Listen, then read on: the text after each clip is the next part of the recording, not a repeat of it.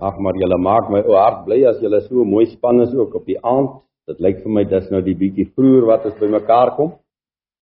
Ek noem dan maar net dat ons oggenddienste nou 09:30 is vir die koue tyd van die jaar en staan ons 06:30. Uh die wat uh stadig is moet maar vroeër begin.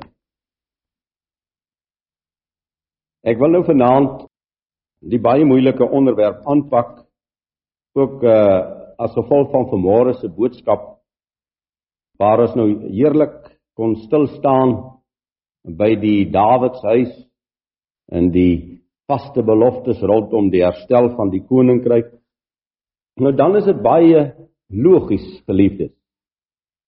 Dit is baie logies dat as Yeshua hierdie aarde sal kom herstel en op die troon sal kom sit, dat daar baie dinge in hierdie wêreld sal verander en dat daar sekerlik sekere barbare en wesens uitgeroei en vernietig sal word want op die pleine van die stede van die land waar Yeshua heers sal daar geen kommunistiese plakkaat gedra word nie. Sal daar geen geskreeu en geraas wees nie. Maar sal 'n volk deur hom verkore in vrede lewe met lofgesange op hulle lippe.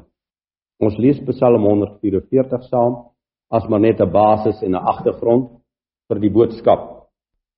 Want ons gaan vanaand handel oor die wesens van die aarde. Psalm 144 en Psalm van Dawid. Geloof sy Jawe, my rots, wat my hande leer om te veg, my vingers om oorlog te voer. My goeie tierenheid en my bergvesting, my skans en my redder, my skild en die een by wie ek skuil, wat my volk aan my onderwerp. O Jawe, wat is die mens dat U hom ken? die mense kind dat u op hom ag gee. Die mense soos die nietigheid sy dae soos 'n vlugtige skade weer. Buig u hemele Jawe en daal neer, raak die berge aan dat hulle rook. Slinger bliksems en verstrooi hulle, stuur u pile uit en verwar hulle. Trek uit die hoogte u hande uit, ruk my uit en red my uit groot waters uit die hand van vreemdes wie se mond leuns spreek en wie se regterhand in regterhand van bedrog is. O God of o Elohim ek wil 'n nuwe lied sing tot u eer. Op die 10 snarige harp wil ek u psalm sing.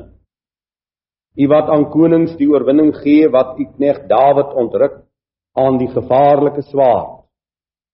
Ruk my uit en red my uit die hand van vreemdes wie se mond leuns spreek en wie se regterhand en regterhand van bedrog is. Sodat ons seuns soos plante mag wees wat opgekweek is in hulle jeug. Ons dogters soos hoekpilare wat uitgebuitel is na die boustyl van 'n paleis. Dat ons skure vol mag wees wat allerlei soorte voorraad oplewer. Ons kleinvee by duisende mag aanteel, by 10000e vermeerder word op ons velde ons beeste gelaai mag wees, geen bres in ons mure en geen uittog daaruit en geen geskreeu op ons pleine nie. Welgeluksalig is die volk met wie dit so gaan. Welgeluksalig is die volk wie se almagtige Jawe is. Koning Dawid bid hierdie gebed vir sy volk vir die tyd waarin hy leef en vir die tye wat sou kom. Hierdie gebed van koning Dawid gaan deur tot in die heilstyd.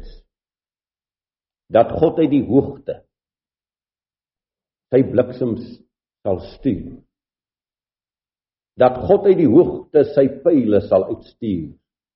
En hierdie maghebbers en hierdie tiranne van die aarde sal verwar en sal verstrooi en sal vernietig. En dat koning Dawid en sy volk gered sal word uit die hand van vreemdes en uit die mond van die wat leuns spreek en wie 'n regterhand van bedrog het.